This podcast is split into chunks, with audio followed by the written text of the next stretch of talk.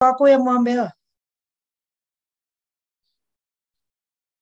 Kalau ini mau ini siap. Oh, oke. Okay. Ya, selamat pagi sahabat suluh keluarga. Kita bertemu kembali dalam Kultur Parenting Pagi, edisi hari Jumat tanggal 20 Januari tahun 1000 eh 2023. Oh, 1000. 2023. Dan pagi ini uh, saya sangat exciting sebenarnya ya. Uh, uh, tema kita bulan ini adalah perlindungan anak. Dan saya ngotot nih sebetulnya uh, ngundang Kak Frans ini ya. Uh, saya ubah jadwalnya pokoknya yang dia bisa saja. Karena saya ingin beliau memaparkan bagaimana sebetulnya kondisi perlindungan anak di Indonesia hari ini ya sampai hari ini. Uh, kita tahu undang-undang perlindungan anak itu sudah berapa berapa tahun kak? Lebih dari 10 tahun kan? 12 iya, ada ya? 2002 ya, kan? pertama 2000 2002 berarti sudah 20 tahun malah ya. Sudah 20 tahun lebih eh, kita punya undang-undang perlindungan anak dan sampai hari ini bagaimana pelaksanaannya? Apa yang sudah dilakukan pemerintah? Sejauh mana sudah ada penerapannya? Ini yang perlu kita dengar ya. Nah, dan juga eh, kemarin saya baru ketemu Kak Seto kan dan Kak Seto juga baru menangani satu permasalahan eh, kekerasan seksual pada anak usia tiga tahun gitu. Jadi permasalahan-permasalahan ini nyata. Saya tahu Kak Frans tadi kita diskusi ya, uh, tidak pernah berhenti mendapatkan masuk uh, laporan-laporan tentang eh, kasus-kasus kekerasan pada anak. Dan ini sebetulnya masih fenomena gunung es ya Kak Frans ya. Karena masih banyak yang merasa tidak perlu melaporkan. Dan ini kasus-kasus berat. Padahal perlindungan anak itu tidak hanya bicara tentang kasus berat gitu ya. Ya Kak Frans ya. Uh, harusnya kasus ringan sudah dilaporkan untuk mencegah ekskalasi kasus tersebut menjadi kasus berat. Nah, mari kita membuka mata kita hari ini dari kita yang tertidur dan merasa bahwa anak-anak kita itu aman-aman saja. Anak itu tidak hanya bicara tentang anak yang kita asuh, yang kita kandung, tapi anak Indonesia ya eh, yang kita pikir aman-aman saja. Mari kita membuka mata, membuka hati dan kita dengarkan pengalaman langsung. Kalau Kak Frans ini sebagai ketua LPA Bekasi, jadi dia langsung di lapangan, eh, bukan hanya seperti saya membaca status data gitu ya. Kalau beliau memang benar-benar turun ke lapangan dan melihat bagaimana sebetulnya hari ini perlindungan anak di Indonesia. Silakan Kak Frans. Baik, terima kasih Kak Lovely. Uh, selamat pagi semuanya. Assalamualaikum warahmatullahi wabarakatuh. Salam sejahtera bagi kita semua. Terima kasih buat kesempatannya berbagi. Bagi saya ini adalah hal yang luar biasa. Karena apa? Karena semua memang harus tahu ini ya. ya di lapangan itu seperti apa, tentang uh, kondisi uh, apa kekerasan terhadap anak ini seperti apa di lapangan. Kita kan biasanya hanya baca di media. Itu sebenarnya saya lihat nggak semuanya, belum semuanya itu. Ya saya pun yang saya tangani memang belum semuanya. Saya uh, masih uh, menangani kasus yang uh, Bekasi, kota dan kabupaten itu udah cukup luas. Satu dua kasus memang ada juga yang di Jabodetabek kayak Jakarta juga Bogor pernah saya uh, kami tangani juga itu uh, uh, melihat bahwa ini kasus yang uh, tidak bisa dianggap ringan gitu ya. Memang kadang-kadang ini tersembunyi ya, tidak terlaporkan, tidak tercatat dan tidak terpublikasikan karena apa? Karena biasanya kasus-kasus anak ini uh, orang tua malu melaporkannya ya, itu pertama atau kadang juga orang tua menganggap ah biasalah ya biasa ini mah terjadi ya dulu kami ya, dulu kami lebih keras dari ini. Dulu kami lebih ah, begitu ya. Saya baru menang masih masih menangani kasus uh, beberapa hari yang lalu itu uh, kasus kekerasan uh, udah semua dialami sama si anak ini. Kekerasan seksual dialami fisik dialami psikis dialami dan itu dia ada sekitar 17 tahun dia ngalamin itu dari umur 7 tahun sampai 24 tahun ya. Ketika dia melapor masih ada yang ngetawain, menertawain. Saya sampai kesel gitu. Ditertawain dibilang, ini mah biasa. Kami dulu juga keras. Saya bilang, biasa bagaimana? Lihat aja dampaknya, saya bilang gitu. Biasa bagaimana begitu. Dan orang menganggap, ya kami dulu di kampung, ya saya juga kan e, besar di kampung ya. Jadi memang kalau saya pulang kampung itu melihat memang kasus-kasus kekerasan terhadap anak tuh hal yang lumrah menurut mereka gitu ya kalau banyaklah alasan-alasan orang tua kenapa uh, itu terjadi ya. Nah, eh, kalau kita mengacu kepada ini eh, undang-undang perlindungan anak itu kekerasan terhadap anak itu adalah setiap perbuatan terhadap anak yang berakibat timbulnya kesengsaraan atau penderitaan secara fisik. Jadi ada ada ada kesengsaraan atau penderitaan secara fisik, bahkan juga uh, fisik, psikis, seksual atau penelantaran termasuk ancaman. Jadi ancaman itu untuk melakukan perbuatan itu pun itu sebenarnya sudah melanggar hukum gitu ya. Jadi eh, kekerasan terhadap anak itu bukan hanya ketika terjadi, tapi ancaman pun sudah melanggar hukum. Nah, kalau data dan fakta saya tadi sempat kirim materinya, tapi bisa dibuka di sana atau di sini ya? Uh, bisa dibuka oleh kakak bisa sendiri, tapi kalau mau bisa dibantu Deli juga. Dibantu, boleh dibantu kak? Kalau ya kak Deli boleh bantu bukakan PowerPoint-nya kak Franz? Ya sambil kita ini ya. Ya, sekarang saja Bapak Ibu kami di LPA Bekasi itu sedang pegang kasus yang baru ya, yang baru itu ada 4 5 kasus kekerasan. Yang baru, yang masih berproses secara hukum itu ada satu dua tiga tiga kasus. Kasus. Udah, udah lagi berproses secara hukum itu ada tiga kasus. Dan sekali lagi ada kalau udah, udah bicara tentang hukum ada yang masih udah sampai setahun ini masih berproses. Ya kasus kekerasan seksual yang dilakukan oleh bapak tirinya dengan persetujuan ibu kandungnya begitu. Jadi agak-agak miris kalau kalau kita nangani kasus-kasus seperti ini. Dan itu masih usia anak-anak semua di usia-usia SD begitu ya. Usia-usia di bawah 12 tahun. Jadi kalau saya sih bilang sama kalau Lovely saya kalau menangani kasus ini apa ya geram dan campur air mata gitu karena kalau bicara dengan anaknya kita nggak bisa ngomong apa-apa gitu kan. Jadi anak-anak diperlakukan uh, dengan seperti itu kan kita merasa seperti apa ya uh, anak-anak yang tidak bisa uh, membela diri anak-anak yang tidak bisa melakukan apa pun gitu. Dan uh, biasanya juga ini orang-orang yang yang melapor ke kami itu memang banyak kan menengah ke bawah ya.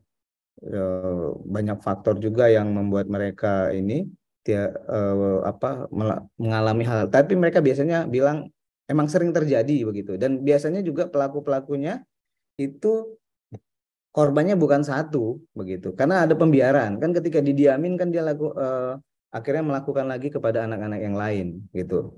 Eh, siapa saja itu itu punya kemungkinan uh, dari orang yang sepertinya baik pemuka-pemuka agama juga banyak melakukannya begitu. Uh, terus dari orang-orang sekitarnya. Biasanya orang-orang sekeliling yang yang dikenal itu biasanya pelaku pelakunya lebih banyak. Nah ini ini agak-agak agak jadi jadi setelah bahas ini jadi agak paranoid nanti sih saya saya aja nih saking seringnya nangani kasus setiap ada uh, orang dewasa memeluk anaknya, saya langsung itu orang tua kandungnya enggak? langsung saya tanya itu orang tua kandungnya. Kalau enggak saya bilang itu orang tua kandung. Uh, tapi saya juga masih khawatir karena banyak juga orang tua kandung melakukan hal, -hal kayak gitu.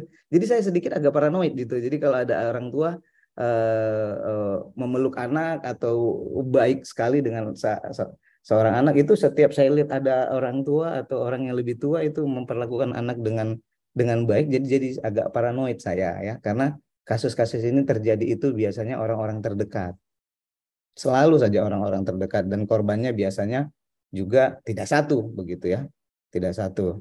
Ya ini ini kita lihat uh, kekerasan terhadap anak menurut undang-undang. Jadi ada kesengsaraan yang ditimbulkan ada penderitaan yang ditimbulkan. Bisa saja jangka pendek atau uh, jangka panjang jadi bisa dua-duanya nah kesengsaraan inilah yang uh, ada yang terlihat, ada yang tidak terlihat gitu. Yang yang lebih berbahaya sebenarnya yang tidak terlihat.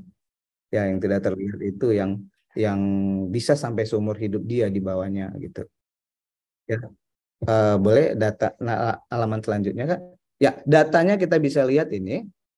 Saya uh, cari data terbaru di 2021 2022 saya belum dapat data dari KPAI, belum sempat cari, tapi di 2021 ini dia data yang Eh, terlihat bahwa kekerasan seksual itu masih tertinggi. Ini data dari Sistem Informasi Online Perlindungan Perempuan di Kementerian uh, uh, PPA ya 2021. Kekerasan seksual itu masih tertinggi. Eh, selanjutnya kekerasan psikis, fisik, dan kekerasan lainnya. Kekerasan seksual benar kasus yang kami tangani itu benar juga kekerasan seksual lebih banyak begitu. Ya, kekerasan seksual itu ini apa eh, ajakan seksual ya atau eh, yang terkait dengan reproduksi tanpa persetujuan. Jadi dilakukan terhadap anak dengan menggunakan kekuasaan, ancaman atau cara-cara memaksa lainnya begitu. Biasanya banyakkan kita uh, kalau kami mengalami pencabulan ya kasus-kasus pencabulan itu sering uh, atau barusan kemarin laporan lagi ke kami itu uh, apa distribusi gambar-gambar uh, porno uh, terus paparan-paparan pornografi itu sering dialami bahkan anak-anak sekarang pembicaraannya juga sudah sudah mengarah ke pornografi karena memang uh, mereka juga uh, tidak sadar bahwa mereka mengalami kekerasan seksual juga begitu. Ini kekerasan seksual ini eh, sekarang sudah gampang banget terjadi. Saya kaget-kaget sekarang karena memang akses-akses pornografi itu gampang sekali dapat di internet. Tidak diminta pun muncul begitu ya. Orang yang sering bermain game itu saya sampai kaget itu ke saya waktu lihat ada anak bermain game ada di sampingnya menawarkan akses video porno, akses-akses pornografi. Jadi Eh, kekerasan seksual ini menjadi hal yang biasa juga terjadi begitu. Nah, kekerasan psikis ini biasanya hal-hal yang berkaitan dengan emosional ya, perkembangan sosialnya, kesehatan mentalnya. Nah, ini juga sering terjadi ini ya. Apalagi dengan sekarang uh, dengan dengan dunia online itu ada cyberbullying. Saya kaget juga uh, ada korban bullying yang sampai nyaris ya, nyaris ya sempat ngobrol ke kami, nyaris bunuh diri gitu. Kadang-kadang kadang-kadang kita anggap ah biasa lah gitu ya. Diejek dihina begitu ya. Tapi kenyataannya uh, nyaris bunuh diri ada yang saat kami pernah hadapi uh, nyaris bunuh diri atau dia nyaris membunuh orang itu gitu yang membuli itu gitu. Uh, kalau nggak dia yang bunuh diri dia yang membunuh orang yang ngebully dia gitu yang uh, yang yang menghina dia. Nah, ini ini pernah kita hadapi juga gitu di anak-anak uh, yang mengalami kekerasan uh, psikis. Kalau fisik dia terlihat ya, ada kontak langsung kalau uh, kekerasan fisik ini. Ya, jadi ada ada uh, apa uh, kayak cubitan, pukulan. Biasanya kalau di kampung ini biasa ini. Ya kan saya kan kemarin pulang kampung, ah biasa ini anak dicubit, dipukul, ditampar. Ya, itu biasa. Saya sendiri ngalamin dulu bolos sekolah satu lidi itu habis satu satu ikat gitu ke badan saya dan orang tua hmm. bilang biasa itu gitu ya. Sampai berdarah-darah dipukul di uh, kalau di kampung itu pakai apa uh, tali pinggang kayak gesper. Itu masih sering kita lihat di kampung itu. Saya saya sampai melihatnya aduh. Nah ini ini sering terjadi. Dan data ini menurut saya data ini uh, masih sedikit. Pasti lebih banyak yang tidak terlaporkan karena memang menganggap ini hal yang lumrah. Ya. Terus ada masalah-masalah seperti ini diselesaikan secara kekeluargaan. Ya. Ada satu kasus anak yang eh, dicabulin sama abang kandungnya, abang kandungnya mencabuli ini anak, terus lapor ke kami, kami karena ada pencabulan kan kalau ada pencabulan kita nggak bisa uh, mediasi-mediasian lah gitu. Ini udah udah harus udah bicara hukum. Jadi kami sarankan untuk melapor ke polisi. Kami uh, dampingi. Tahu bapak ibu itu yang lapor memang bapak kandungnya sama ibunya. Karena anaknya anaknya preman. Jadi an, orang tuanya pun sebenarnya sudah diancam mau dibunuh sama pelaku. Tapi kami bilang kami akan uh, backup kami akan bantu. Nah ketika melapor orang tuanya ke polisi, itu keluarga besarnya, keluarga besarnya menyerang bapak ibunya. Ya, menyerang bapak ibunya, dimaki-maki bapak ibunya, kau nggak ada otakmu, ya orang Batak yang nggak ada otakmu, anakmu sendiri kau penjarakan, begitu.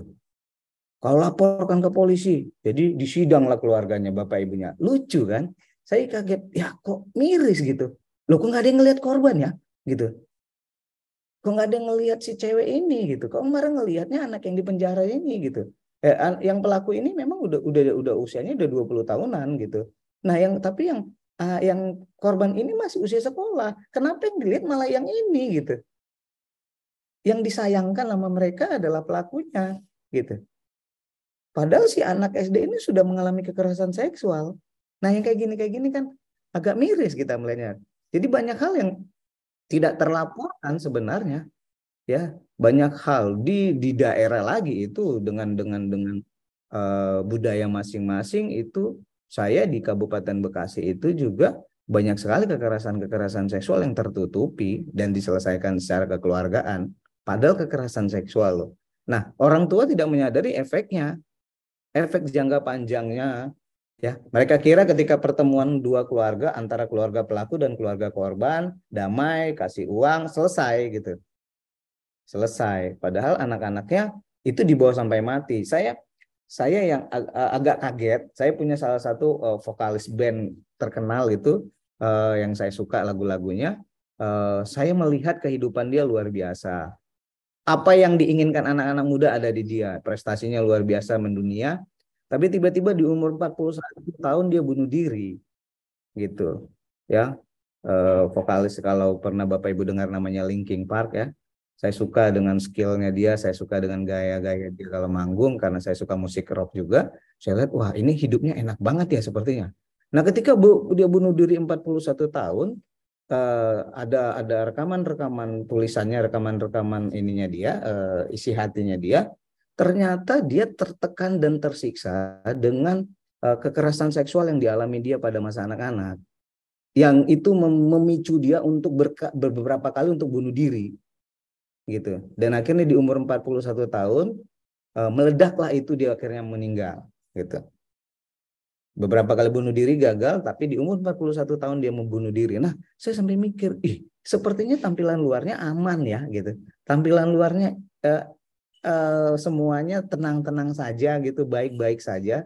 Ternyata dia memutuskan bunuh diri karena tekanan kekerasan seksual. Kalau tidak salah eh, dia pernah disodomi berkali-kali sama pamannya. Begitu. Ya. Dan itu eh, tidak dipulihkan gitu, tidak direhabilitasi. Nah, terbawalah itu sampai dia dewasa. Uh, dia dia simpan, dia simpan, terus ada pemicunya uh, yang membuat dia memutuskan ya meninggal, mengambil nyawanya sendiri begitu. Nah, ini kan agak mirip di Indonesia banyak juga gitu. Tadi saya sempat sampaikan beberapa kali kami menangani kasus yang anak sudah nyaris bunuh diri gitu. Nyaris bunuh diri ya nah ini tempat terjadinya memang di tempat-tempat yang uh, terlihat aman kayak rumah lembaga pendidikan ya di lembaga pendidikan mohon maaf di tempat ibadah itu juga banyak di tempat ibadah banyak karena kan kesan baik itu ya jadi kan gini kalau kalau pelaku itu kan e, melakukannya apa, apa manipulatif gitu jadi mereka itu berusaha untuk terlihat dapat dipercaya gitu ya jadi uh, terlihat dapat dipercaya, terus mencari tempat yang uh, aksesnya mudah, gampang. Ya, jadi manipulatif. Jadi tempat-tempat yang terlihat kadang aman itu malah yang sering terjadi. Ya di tempat kita sering kita pernah dengar di tempat-tempat ibadah mau mau agama apa pun itu juga kita pernah tangani mau agama uh, teman-teman kita di Muslim mau di Kristen saya kami saya orang Kristen juga kaget. Saya kira di tempat ibadah atau di asrama-asrama Kristen aman-aman aja ternyata ada juga kasus yang kami tangani gitu. Dan pelakunya juga kami kaget begitu ya. Maksudnya orang yang kami anggap aman gitu ya kami anggap aman ternyata pelaku gitu itu jadi tadi saya sebut saya jadi paranoid gitu saya jadi paranoid gitu saya kalau ngeliat guru sekolah minggu aja jadi agak takut gitu kan guru sekolah minggu harus baik ya guru yang di gereja itu harus baik kepada anak-anak ya tapi kalau saya lihat ah, lawan jenis ya. Misalnya guru sekolah minggu laki-laki, anaknya perempuan saja. Aduh, gimana nih ya? Bener nggak ini? gitu. Jadi paranoid karena setiap sering sekali saya ngadapin kasus-kasus seperti ini, menangani kasus-kasus seperti ini. Ya, pelaku kekerasannya itu orang eh, keluarga, orang tua, ya itu orang tua sering melakukannya karena memang orang tua menganggap bahwa an anak itu milik dia, jadi suka-suka dia gitu. Ya, suka-suka dia gitu. dah. Terus orang-orang yang dipercaya tadi bisa temennya, bisa eh, kakaknya, pacarnya atau eh, tadi eh, pemuka agamanya gitu ya. Itu itu itu sering juga itu eh, eh, sering terjadi lah begitu. Ya, eh, kekerasan ini efeknya panjang panjang sekali ya, panjang sekali dan eh, kalau sudah terjadi, kalau sudah terjadi eh, penanganannya sebenarnya harusnya pemulihan dulu, rehabilitasi dulu. Boleh juga rehabilitasi kesehatannya dan rehabilitasi sosialnya karena memang anak-anak yang seperti ini cenderung itu mereka itu langsung menarik diri. Ya, menarik diri, malu, eh, ketakutan, ya. Eh, saya temuin kemarin yang saya kami kami bertemu dengan anak yang korban kekerasan seksual selama belasan tahun ini benar-benar dia mencurigai dan menakutin semua orang yang usianya lebih dewasa dari dia. Ngeri juga saya bilang gitu. Jadi setiap ada ketemu laki-laki yang usianya dewasa mau mau salaman aja, mau kenalan aja dia takut. Gitu. Dia takut. Padahal begini loh, saya pikir kan pelakunya kan bapaknya, ibunya. Kok jadi sama semuanya jadi takut begitu. Jadi dia udah nggak percaya sama orang lagi begitu. Dan Bapak Ibu, saya kagetnya kemarin sampai saya diem mungkin karena saya belum terbiasa dengan hal ini ya. Efeknya adalah dia jadi uh, eh, LGBT jadi dua korbannya ini anak dua kembar ya. Dan mereka mengalami itu 17 eh, tahun. Yang satu jadi lesbi yang satunya jadi bisex. Dan mereka mengakuinya itu. Itu dan mereka juga apa termotivasi juga untuk melakukan kekerasan karena mereka dendam jadi ini kan lebih panjang gitu. Kalau proses hukum kan kita tinggal setahun, paling proses hukum paling lama ya setahunan lah. Itu kita penjarakan pelakunya. Selesai, kasus hukum tutup. Tapi yang kasus-kasus eh, eh yang harus dipulihkan itu ya yang uh, ada juga kita saya pernah nangani kasus uh, sodomi sebanyak dua uh, pelaku sodomi uh, 20 orang korbannya. Yang ketahuan, yang ketahuan, ya yang ketahuan pelaku sodominya. Nah, pas kami lakukan ini uh, interogasi kepada pelaku, kenapa dia bisa melakukan itu? Karena dia juga dulu disodomi, gitu, disodomi dan udah dibiarkan, nggak di nggak di nggak di apa ya, nggak dipulihkan, nggak direhabilitasi.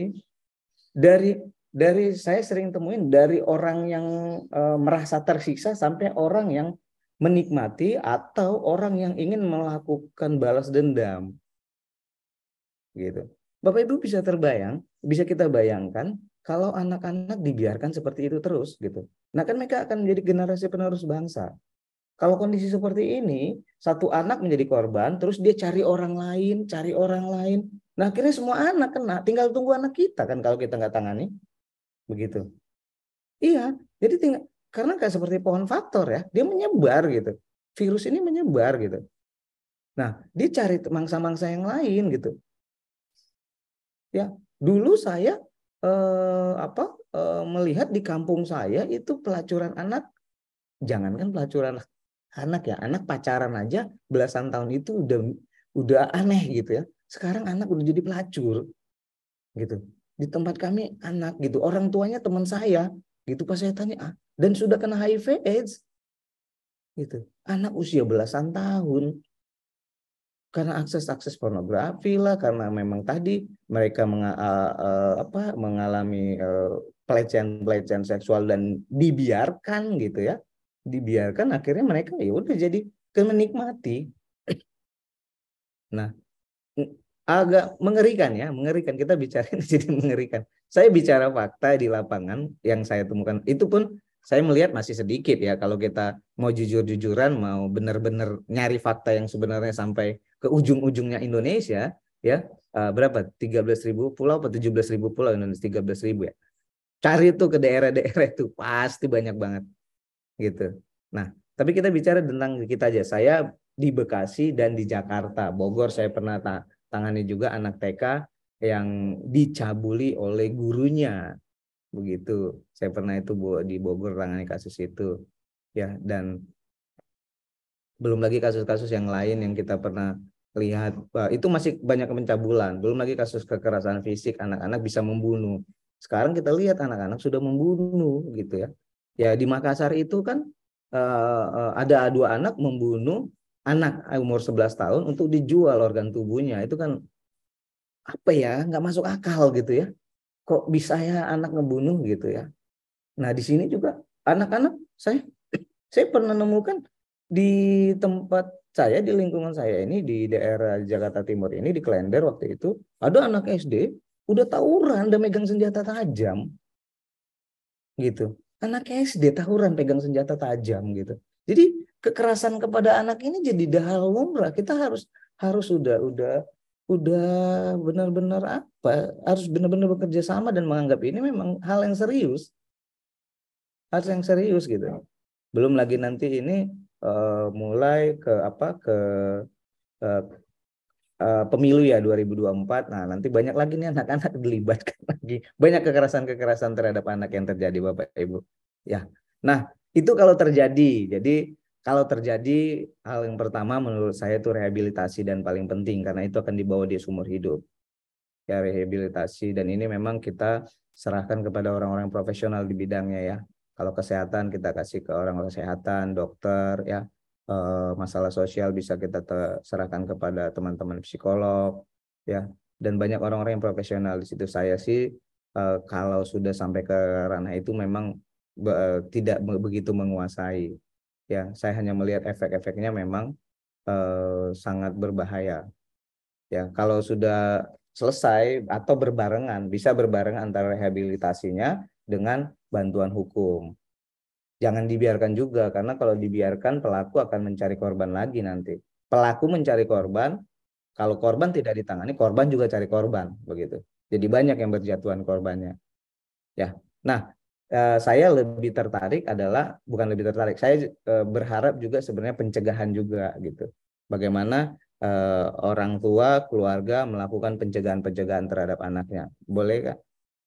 Selanjutnya, next. Nah, ke pencegahan-pencegahan itu kita bisa apa yang harus kita lakukan? Pertama itu komunikasi dengan uh, uh, orang tua dan anak itu orang tua bisa jadi teman lah gitu kan sekarang karena kesibukan lah, karena uh, banyak hal ya. Orang tua itu jarang berbicara gitu, uh, uh, komunikasinya dengan anak itu bagus gitu.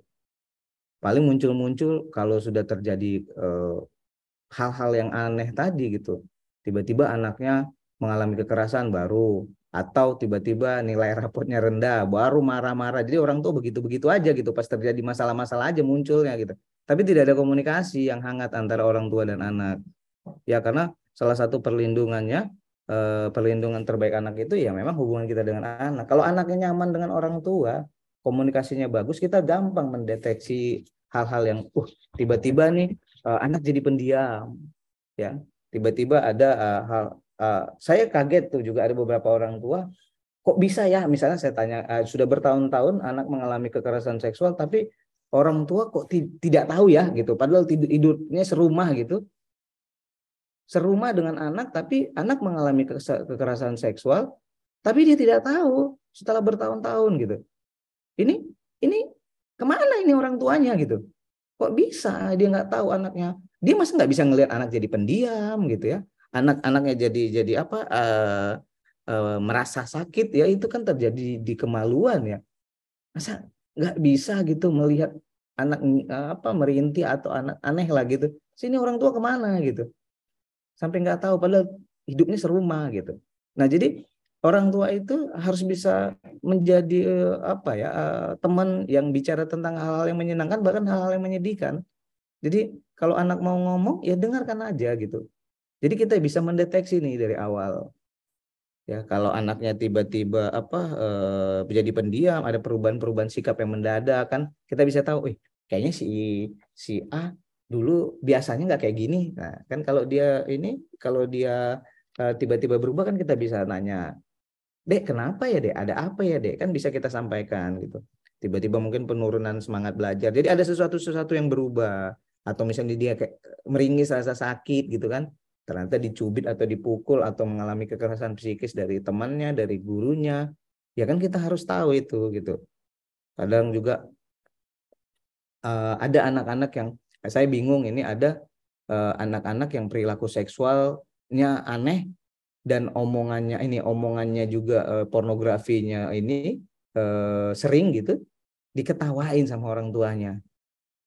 Ada itu saya lihat itu di daerah uh, ya daerah uh, lingkungan-lingkungan menengah ke bawah. Dan mereka bilang biasa udah anak-anak ngomong gitu semua gitu.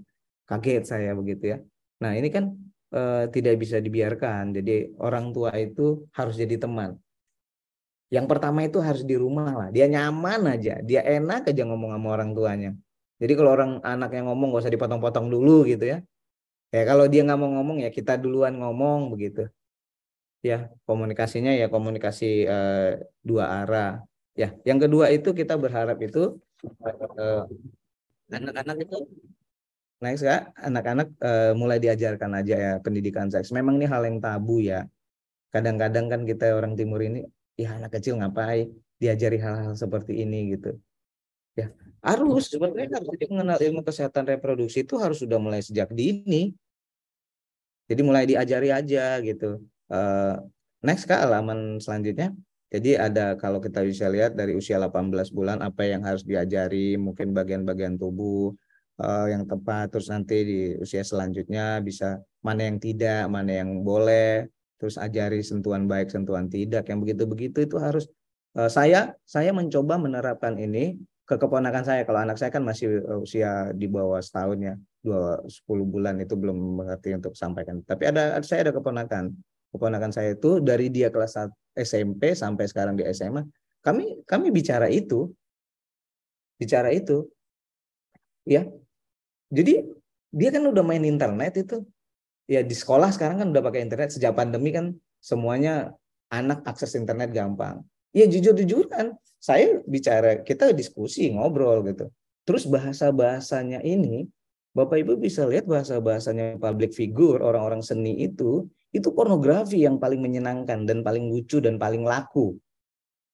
Iya, saya lihat beberapa apa namanya podcast-podcast yang sering ditonton-tonton anak muda itu hal-hal pornografi yang paling laku. Subscribernya lebih banyak, followernya lebih banyak, penontonnya lebih banyak. Itu hal-hal yang menyangkut pornografi. Ya. Itu yang yang penontonnya ABG-ABG lah, anak-anak usia sekolah itu. Sulit kita mengontrol itu. Ya. Ya, sulit. Ya, ya saya ajak mereka ngobrol tentang eh, saya ajak anak ini ngobrol tentang uh, ini eh, hal-hal uh, yang berhubungan dengan seks. Daripada dia dapat itu tapi tidak ada keterangan yang benarnya kan karena bahasa bahasanya saya kaget kaget bahasanya. Kemarin juga saya ada laporan uh, anak yang mengalami kekerasan seksual kelas 1 SMP dia bahasanya juga saya bilang ini saya sendiri aja nggak nggak nggak tahu ini bahasa apaan tapi ternyata saya bilang ini apa artinya gitu ternyata sudah sampai ke kelamin-kelamin gitu. Wah, gila saya bilang. Sudah segitunya dan kita perlu jadi eh, apa ya? Eh, diskusi sama anak kita. Bicara dengan anak kita gitu. Jangan anggap ini tabu daripada dia cari informasi keluar gitu ya. Yang tadi itu yang dianggap aneh itu sama kita tapi hal lumrah bagi mereka, dia coba gitu. Kan begini Bapak Ibu, hal-hal saya punya teman juga yang uh, homo ya. Itu uh, dari awal itu karena memang dia tidak punya pengetahuan seks yang benar. Selain karena dia korban, dia juga pengetahuan seks yang tidak benar. Jadi menganggap bahwa homo itu, sodomi itu biasa. Begitu. Itu biasa. Jadi eh, anak-anak harus diajari, anak-anak yang berpengetahuan itu menjadi pencegah yang kuat juga ya ke terhadap uh, kekerasan eh kekerasan terhadap anak itu. Jadi jangan jangan jangan tabu, jangan jangan apa ya, jangan uh, uh, Bapak Ibu ketika anak melihat lihat anaknya aneh-aneh juga tentang hal, -hal seksi jangan langsung dimarah-marahin, diajak ngobrol aja dulu, sampaikan hal benar dengan bahasa mereka yang mereka mengerti. Ya jangan juga bahasa-bahasa kita yang ribet gitu. Bahasa-bahasa mereka yang mereka gampang mengerti begitu. Ya karena ini Bapak Ibu, akses-akses pornografi itu gampang sekali sekarang. Nggak bisa kita kontrol tuh, sulit banget. Udah ditutup sama Kak Saya pernah ngobrol juga dengan uh, uh, uh, Menkominfo waktu itu Pak Rudiantara ya waktu itu.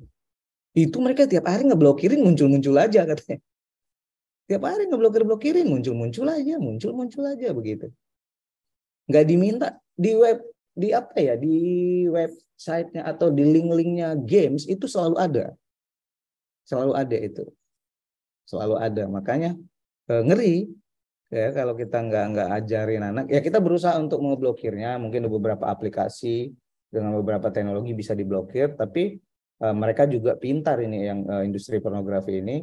Mereka munculin terus dan masuk ke dunia anak-anak. Anak-anak menjadi pangsa pasar yang besar juga oke ya selanjutnya yang kita lihat itu uh, memperhatikan pergaulan anak. Ya ketiga itu memperhatikan pergaulan. Jadi uh, ajarkan nilai keagamaan. Jadi uh, orang tua sih sebenarnya juga yang harus jadi contoh. Jadi uh, kan untuk melarang anak merokok paling baik adalah orang tuanya nggak merokok begitu. Daripada dia berkoar-koar kan gitu ya. Jadi uh, terus bergaulnya juga lihat nggak bisa kita langsung larang-larang tapi kita tahu ini berusahalah uh, apa ya pergaulan anak itu atau interaksi dengan anak itu dapat diamati dan dapat diinterupsi ya hati-hati dengan dunia maya ini ini eh, kemarin juga saya dapat kabar eh, juga masih melalui WA eh, korban dari dunia maya gitu. Bahkan kita udah tahu ya ada anak-anak yang dijual dan diperdagangkan sekarang menjadi pekerja seks komersil PSK melalui karena dunia maya gitu. Ya, dibawa kabur, perkenalan melalui grup WA atau grup Instagram atau apa pun itu namanya, eh, tiba-tiba dia jadi pelacur dan orang tuanya kaget Ya, di Bekasi ada yang begitu. Ada satu tempat yang yang dikoordinir sama uh, oknum tertentu ya mal, uh, apa uh, menjadi tempat pelacuran anak dan itu dan itu perekrutannya melalui dunia maya. Jadi perekrutannya itu perekrutan anak-anaknya itu uh, melalui internet. Aplikasinya kadang WeChat, kadang apa. Saya juga akhirnya belajar ya, belajar gitu perekrutan-perekrutan Eh, PSK PSK atau pekerja seks komersil yang anak-anak gitu kan. Jadi eh, kalau bisa juga kita berharap eh, orang tua juga ikut kayak bergaul juga dengan teman-temannya anak-anaknya gitu. Jadi tahu nih anaknya bergaul sama siapa dengan siapa karakter anak teman-teman anak-anaknya seperti apa begitu ya. Oke, okay, uh, eh, nextnya itu uh, mengajarkan anak membuat batasan, sama seperti yang tadi saya bilang. Jadi uh, tahu yang mana yang tidak, terus berani menolak, ya. Secara tegas apabila ada anak orang lain yang menyentuh tubuhnya. Jadi tolak secara tegas.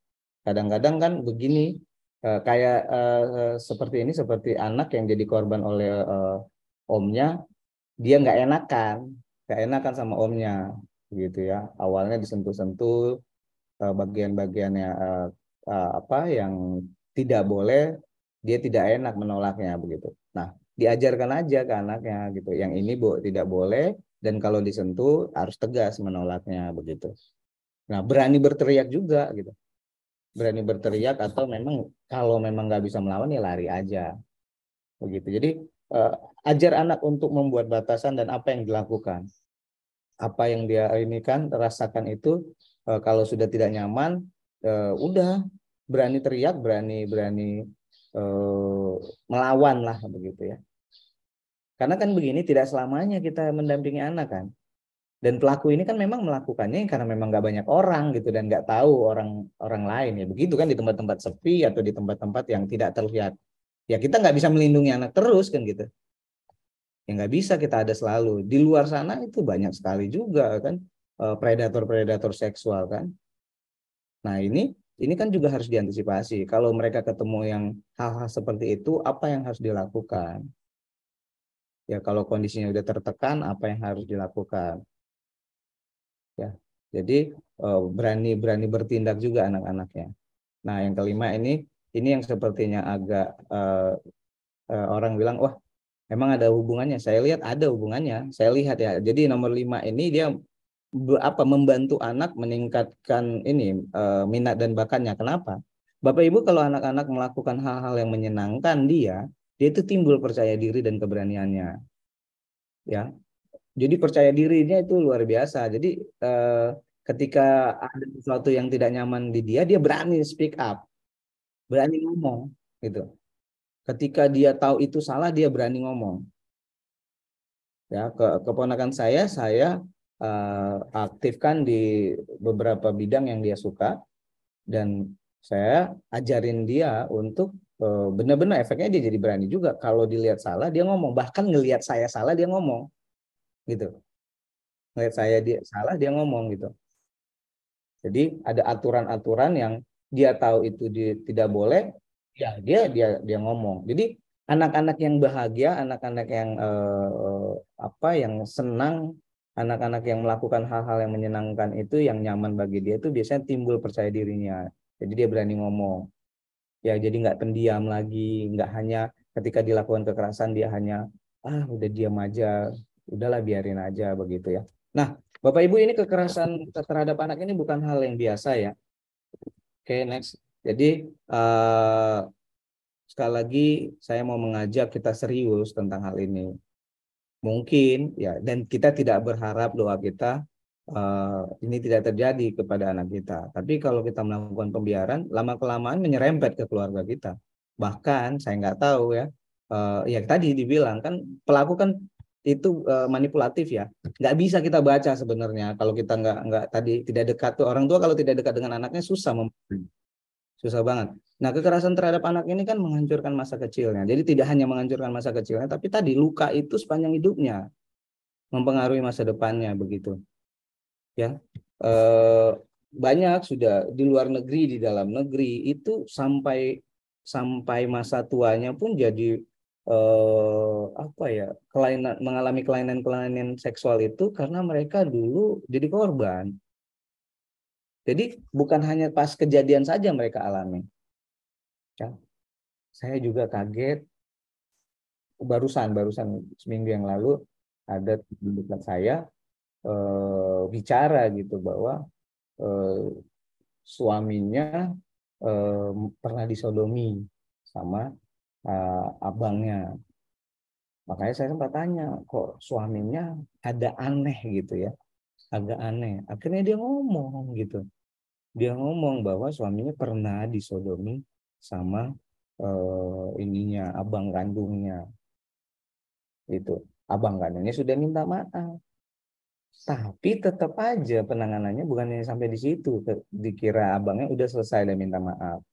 Tapi ternyata dampaknya panjang gitu ya sampai ketika si korban ini juga punya anak ya dia juga memperlakukan anaknya jadi aneh gitu jadi ngeri Bapak Ibu saya saya juga jadi kalau ngomong ini jadi agak gimana ya uh, agak paranoid saya jadinya ya paranoid jadi. Tapi ini ini ini ini adalah hal-hal yang realita di lapangan dan kita harus harus sama-sama peduli terhadap hal ini ya. Ini ini hal yang serius, hal yang serius sekali. Dan memang ini bukan hal yang hal yang seksi juga. Ya hal yang enggak banyak dibicarakan orang gitu. Karena tadi tidak terpublikasikan. Memang undang-undang eh, perlindungan anak pun juga uh, menyampaikan bahwa uh, kasus-kasus ini tidak boleh dipublikasikan. Benar juga. Tapi akhirnya kita tidak tahu fakta lapangannya seperti apa ya. Begitu. Uh, nah uh, nextnya jadi uh, kita bisa bisa peduli karena memang kalau kita tidak bisa menyiapkan masa depan untuk anak kita ya uh, tapi setidaknya kita bisa menyiapkan anak kita untuk masa depan kita tidak bisa selalu ada di samping mereka ya Eh, hal-hal yang sepele pun itu bisa jadi mungkin mungkin mungkin sama kita biasa dulu karena kita mengalami hal kekerasan seperti itu. Tapi zaman sekarang saya lihat uh, anak-anak ini pun uh, hal yang kecil aja pun bisa jadi tekanan mental depresi yang luar biasa. Saya ada mengajar anak yang udah berapa tahun di kami, saya belum pernah dengar suaranya. Ya, dia hanya ya, tidak. Ya, hanya ya, tidak dan itu suaranya pun seperti suara angin. Ya, tidak. Bayangkan Bapak Ibu, berapa tahun kami ngajar beliau, itu ada sampai tiga tahun, tapi kami tidak pernah dengar suaranya. Nah, setelah kami selidiki, orang tuanya akhirnya mengakui bahwa dia pernah melakukan kekerasan terhadap anaknya, yang anaknya jadi trauma. Dan dia menyesal sekali, sulit bagi dia katanya memulihkannya, udah dibawa ke psikolog, udah dibawa ke mana. Kami ini sekarang jadi berpikir, ya udah kita fokuskan dulu untuk pemulihannya, akademiknya nanti belakangan, gitu. belakangan. Yang penting pemulihan. Karena apa? Bertahun-tahun kami jarang mendengar suaranya. Kadang datang dan pergi aja gitu sampai ya dia datang nggak tahu, pergi nggak tahu, tiba-tiba begitu aja, tiba-tiba muncul di kelas, tiba-tiba keluar dari kelas. Kalau ditanya hanya mau menjawab pertanyaan yang berhubungan dengan ya dan tidak. Dan itu jawabannya seperti angin, kita harus mendekatin telinga kita ke dia. Sampai segitunya gitu. Dan kita tanya kenapa? Akhirnya orang tuanya ngomong karena orang tuanya pernah melakukan kekerasan terhadap anaknya. Dulu anaknya tidak seperti itu katanya. Nah, jadi kalau kita tidak bisa menyiapkan masa depan, mungkin kita tidak bisa dengan warisan yang cukup banyak gitu ya. Tapi kita bisa menyiapkan anak kita untuk masa depan mereka begitu. Kekerasan terhadap anak ini adalah tanggung jawab kita bersama. Undang-Undang Perlindungan Anak juga bilang begitu ya. Ini tanggung jawab kita bersama. Jangan hanya limpahkan kepada pemerintah, ya jangan hanya limpahkan kepada pemerintah. Kalau anak-anak menjadi pelaku kekerasan itu bukan semerta eh, eh, so, apa tiba-tiba gitu. Itu mereka juga ngalamin itu dan yang paling bertanggung jawab adalah orang-orang dewasa. Gitu. Itu yang paling bertanggung jawab. Jadi kalau anak-anak pelaku, anak-anak yang berhadapan dengan hukum, anak-anak yang pelaku pelaku kriminal, itu sebenarnya tanggung jawabnya kita gitu, jangan mereka gitu. Gitu. Nah, kita harus peduli dari dari sejak dini mungkin pun kita harus sudah mulai care terhadap anak-anak ini begitu. Itu saja mungkin yang bisa saya sampaikan, Kak. Terima kasih uh, kalau ada yang mau menambahkan ya karena saya kan hanya bicara uh, ini ya fakta dan saya tidak banyak bicara tidak pintar bicara tentang teori ya. Jadi kalau ada yang mau menambahkan silakan atau kita mau share mau berbagi saya persilakan kepada Bapak Ibu semuanya. Terima kasih. Wassalamualaikum warahmatullahi wabarakatuh. Salam sejahtera untuk kita semua. Ya, terima kasih Kak Frans sudah mual-mual mendengarnya ya. Eh, betapa sebetulnya kondisinya cukup menakutkan ya. Ada eh, kita punya masih punya waktu 15 menit ya. nggak apa-apa ya sampai 8.10 ya Kak Frans ya. Boleh, Karena tadi ya apakah ada yang mau disampaikan? Apakah ada yang mau diceritakan?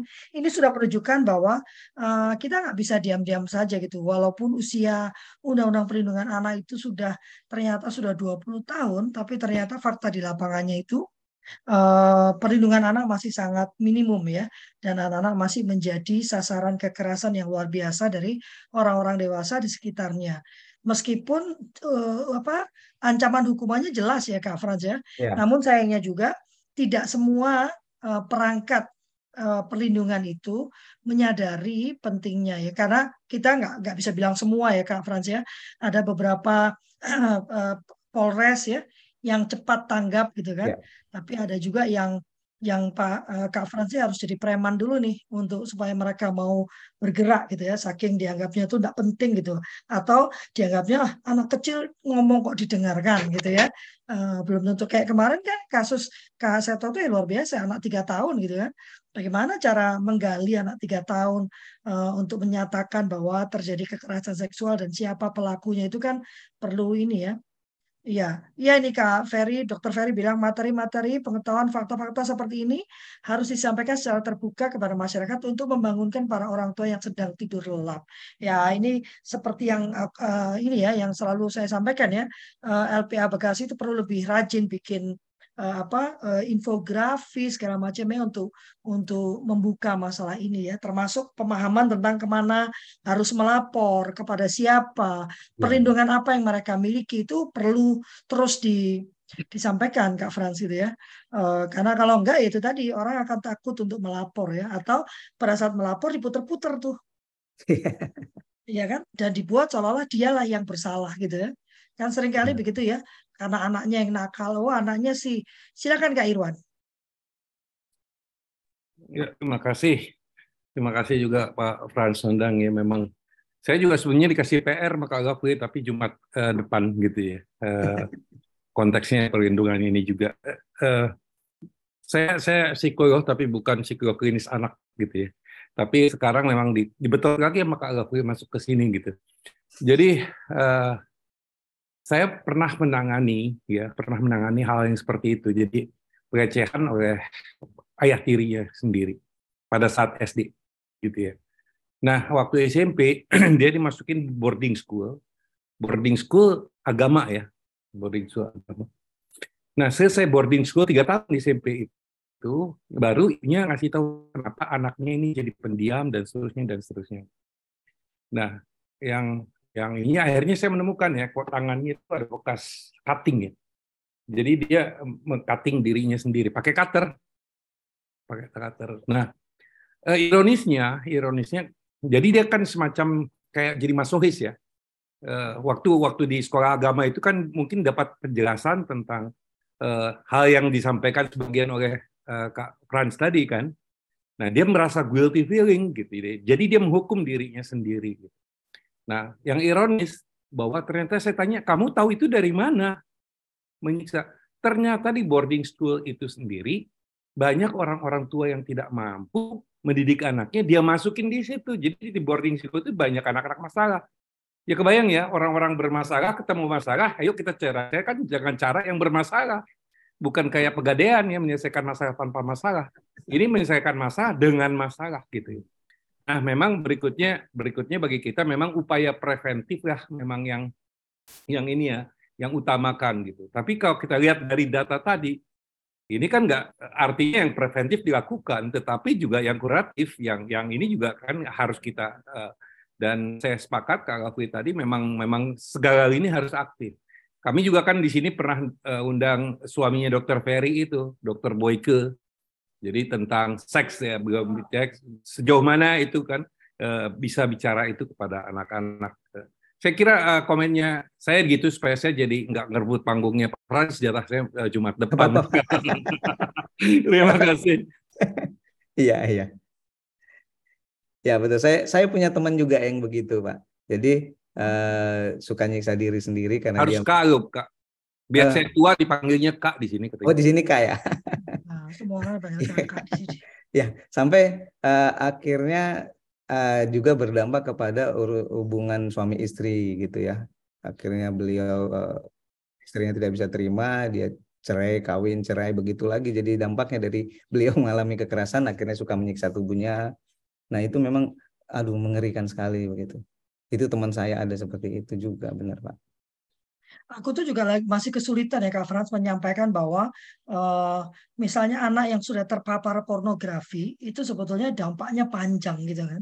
Nggak cukup hanya sekedar dihentikan lalu ups gitu kan.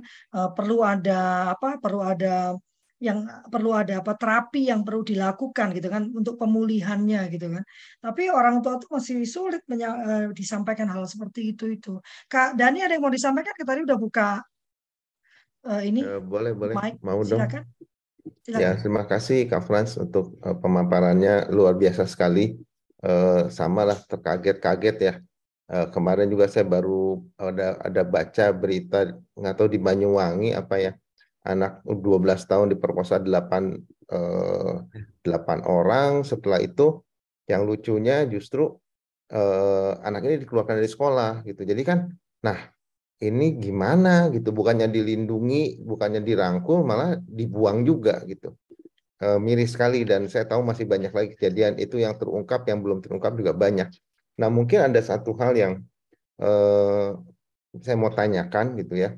Uh, Kak Frans tadi dikatakan bahwa 30% kekerasan seksual itu di di apa keluarga inti, setelah itu 60% itu di uh, terjadi di orang-orang yang dekat justru gitu. Yeah. Nah, sedangkan sedangkan tadi juga dibilang bahwa pencegahannya adalah uh, di dalam keluarga gitu.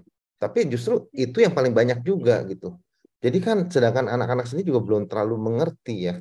Jadi saya juga jadi bingung, aduh ini terus solusinya apa ya gitu. Terus pemerintah ini buat apa juga gitu. Apa yang sudah dilakukan oleh oleh pihak pemerintah gitu. Ini kan jadi uh, kasihan gitu. Uh, tapi solusinya kayaknya rumit juga gitu. Nah mungkin begitu uh, pertanyaan Kak Frans. Makasih ya. banyak. Uh, anak-anak harus mendapatkan satu dua orang yang bisa dipercaya dia untuk bicara. Jadi kalau bisa kitalah menjadi teman dia yang bicara supaya Eh, hal-hal yang aneh, hal-hal yang menjadi pertanyaan itu bisa disampaikan semuanya ke kita begitu. Jadi pastikan dulu anak itu nyaman ke kita sih karena tadi saya aja sebenarnya cukup khawatir dengan siapa pun yang dekat dengan anak. Saya orang yang eh, menggaungkan perlindungan anak gitu kan ah, kita harus eh, eh, mengasihi anak, mesra dengan anak, dekat dengan anak. Tapi ketika ada orang yang dekat dengan anak saya jadi paranoid gitu. Nah, Iya, jadi paranoid karena memang pelakunya justru orang-orang dekat gitu tadi. Nah, saya harus memastikan saya jadi salah satu dan uh, salah satu ya kalau bisa banyak orang yang bisa dipercaya dia untuk ngomong gitu. Gitu, untuk ngomong. Jadi uh, apa pun itu yang bahkan eh, hal-hal yang tabu menurut orang ya udah kita ngomong aja gitu. Jadi terbuka semuanya begitu sih. Karena memang Pak uh, saya sendiri udah mena apa curiga agak sedikit curiga dengan semua orang gitu Dengan lembaga hmm. pendidikan juga begitu.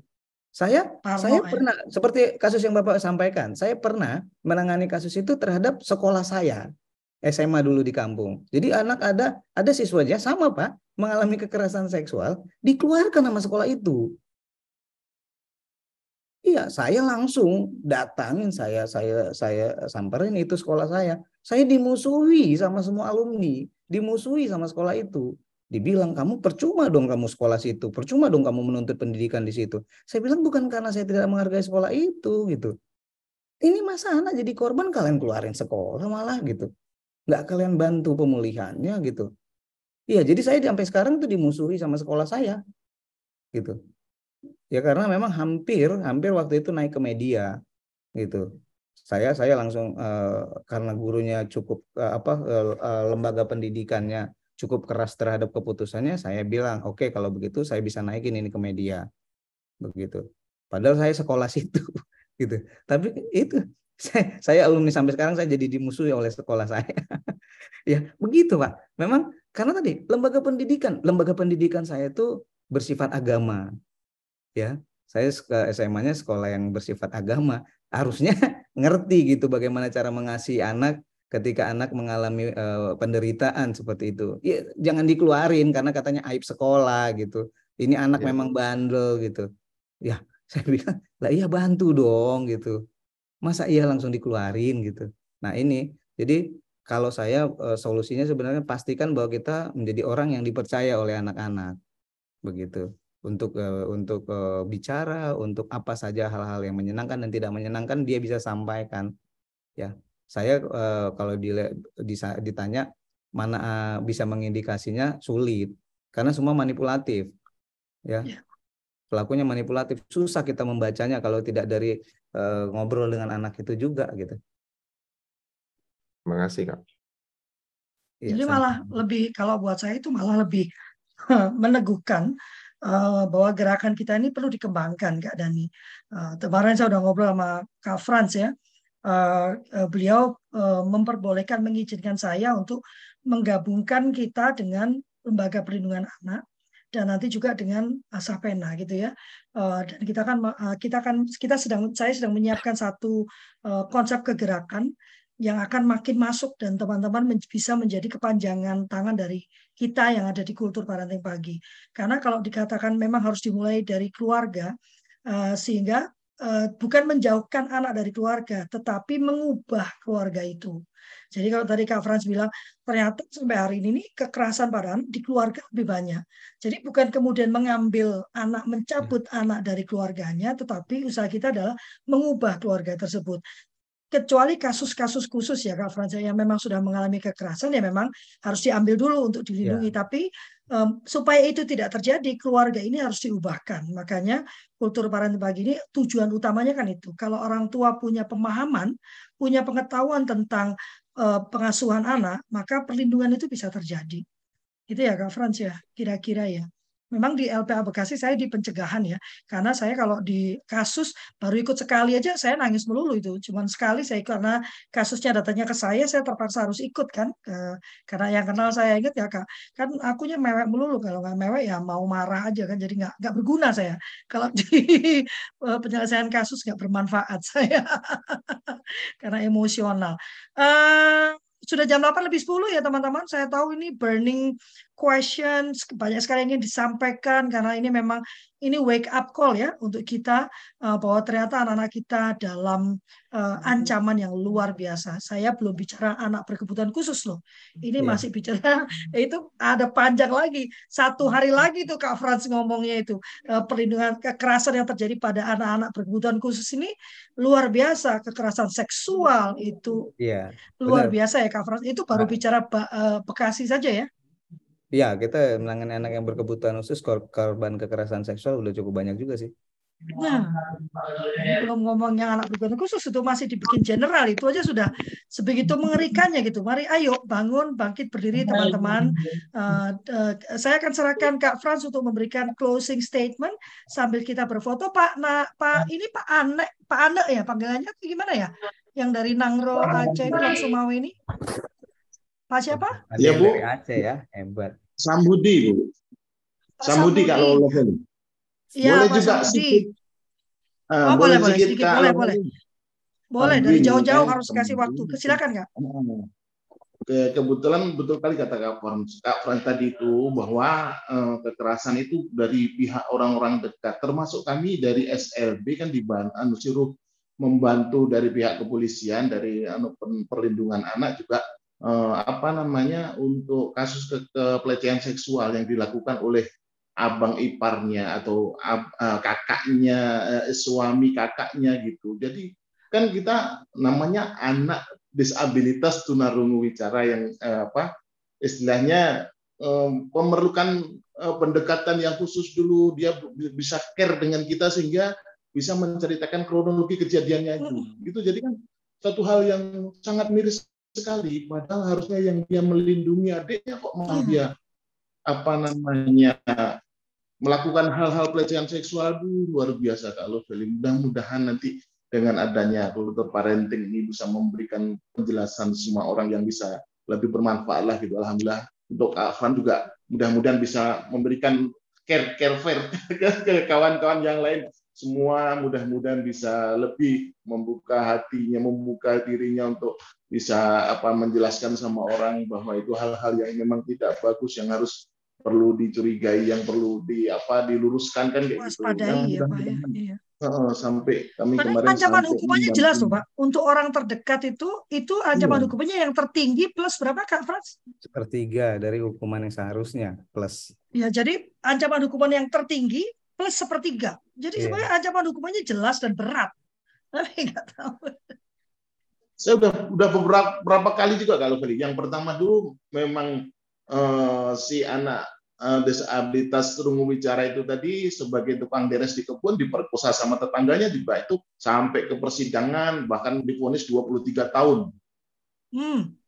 Kita membantu hmm. untuk membuat BAP-nya sampai ke apa namanya eh, apa kejaksaannya sampai ke persidangannya gitu sehingga mereka difonis sampai 23 tahun itu gitu ada juga pernah terjadi. Terus yang baru kemarin itu juga eh, apa anak di apa namanya Eh, sampai hamil itu sama suami kakaknya tadi itu gitu juga kita harus memberikan bantuan untuk apa namanya pembuatan BAP-nya sampai itu kan karena memang dari pihak kepolisian kan sangat-sangat apa namanya kekurangan dalam bidang untuk menggali apa namanya untuk membuat BAP-nya tadi jadi perlu bantuan dari sekolah-sekolah luar biasa terdekat itu.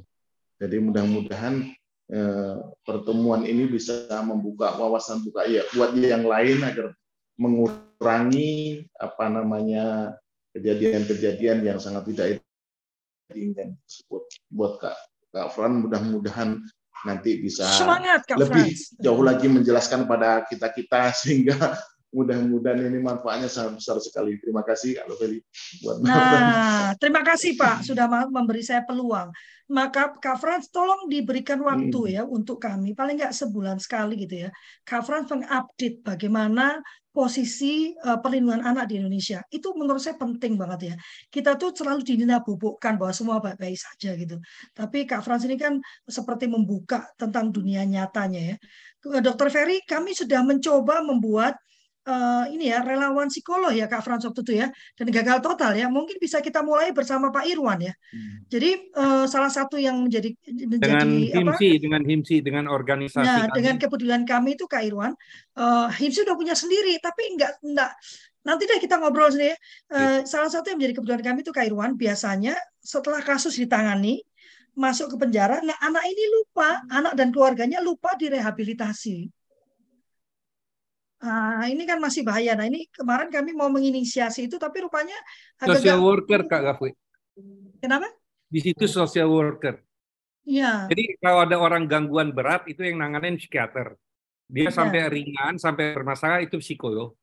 Pada saat dia masuk ke masyarakat lagi itu pekerja sosial, itu social worker. Ya, ini kalau yang udah yang ini kan yang ditangani Kak Frans berarti sudah mengalami masalah kan Kak, sudah trauma berat. Nah, ini nih biasanya uh, kelupaan dikasih pendampingan ya Kak Frans ya untuk ya. karena kita udah pindah lagi ke kasus berikutnya. Nah, sementara anak ini kan harus dipulihkan ya. Maka kerjasama dengan teman-teman psikolog ini penting banget Kak Iwan. Nanti deh kita ngobrol sebagai LPA Bekasi ya Kak Frans ya. Betul, uh, silakan betul. Kak Frans uh, uh, penutup ya. Ya, kita juga bukan uh, bekerja sendiri ya. Benar beberapa kasus juga kita sempat bekerja sama dengan psikolog, dengan oh, pekerja bentar, sosial. Kak Mohon teman-teman membuka kameranya lalu memberikan hatinya. Jadi ya. sambil Kak Frans uh, menyampaikan penutup, kita berfoto ya.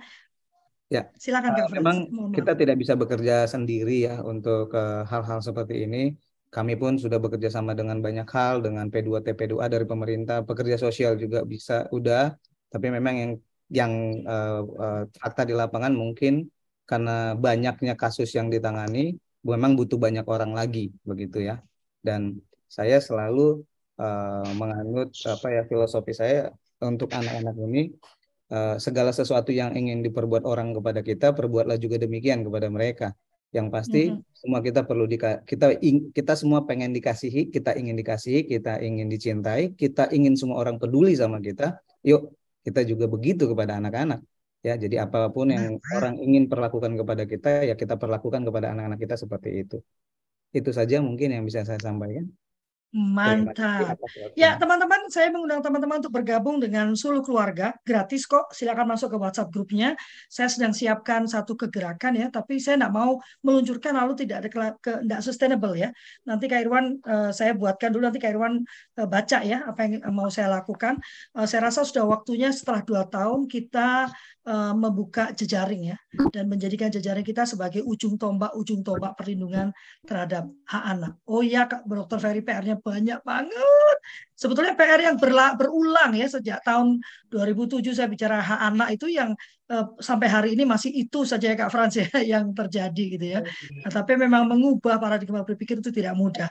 Cuman jangan berhenti, jangan putus asa, jangan menyerah gitu ya.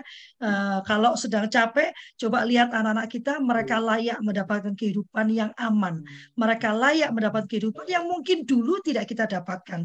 Perlindungan, kenyamanan, kebahagiaan. Jangan lupa empat prinsip perlindungan anak ya, non diskriminasi, hak hidup dan tubuh berkembang, uh, hak, uh, hak kepentingan terbaik bagi anak, lalu yang keempat didengarkan pendapatnya. Empat prinsip itu terus camkan dalam benak kita dan setiap kali kita berhadapan dengan anak itu yang harus kita pastikan empat itu. Terima kasih Kak Franz. Uh, uh, tolong juga uh, dipertimbangkan ya untuk memberi kita waktu paling tidak satu bulan sekali ya. Uh, mungkin waktu khusus untuk update ya sampai di mana uh, perkembangan uh, perlindungan anak ini. Karena kita perlu membangunkan orang tua ya supaya mereka segera melindungi anak-anaknya. Oke, atas nama kami berlima, kami mengucapkan terima kasih atas kehadirannya dan memohon maaf yang sebesar-besarnya apabila ada pernyataan, perkataan, sikap, gestur yang kurang berkenan. Eh, kami tidak ingin merendahkan, tidak ingin nyindir-nyindir, ya, tidak ingin menyakiti, tidak ingin menghakimi, bahkan bukan untuk menggurui. Kami hanya ingin membagikan apa yang menjadi keyakinan kami dan yang kami usahakan.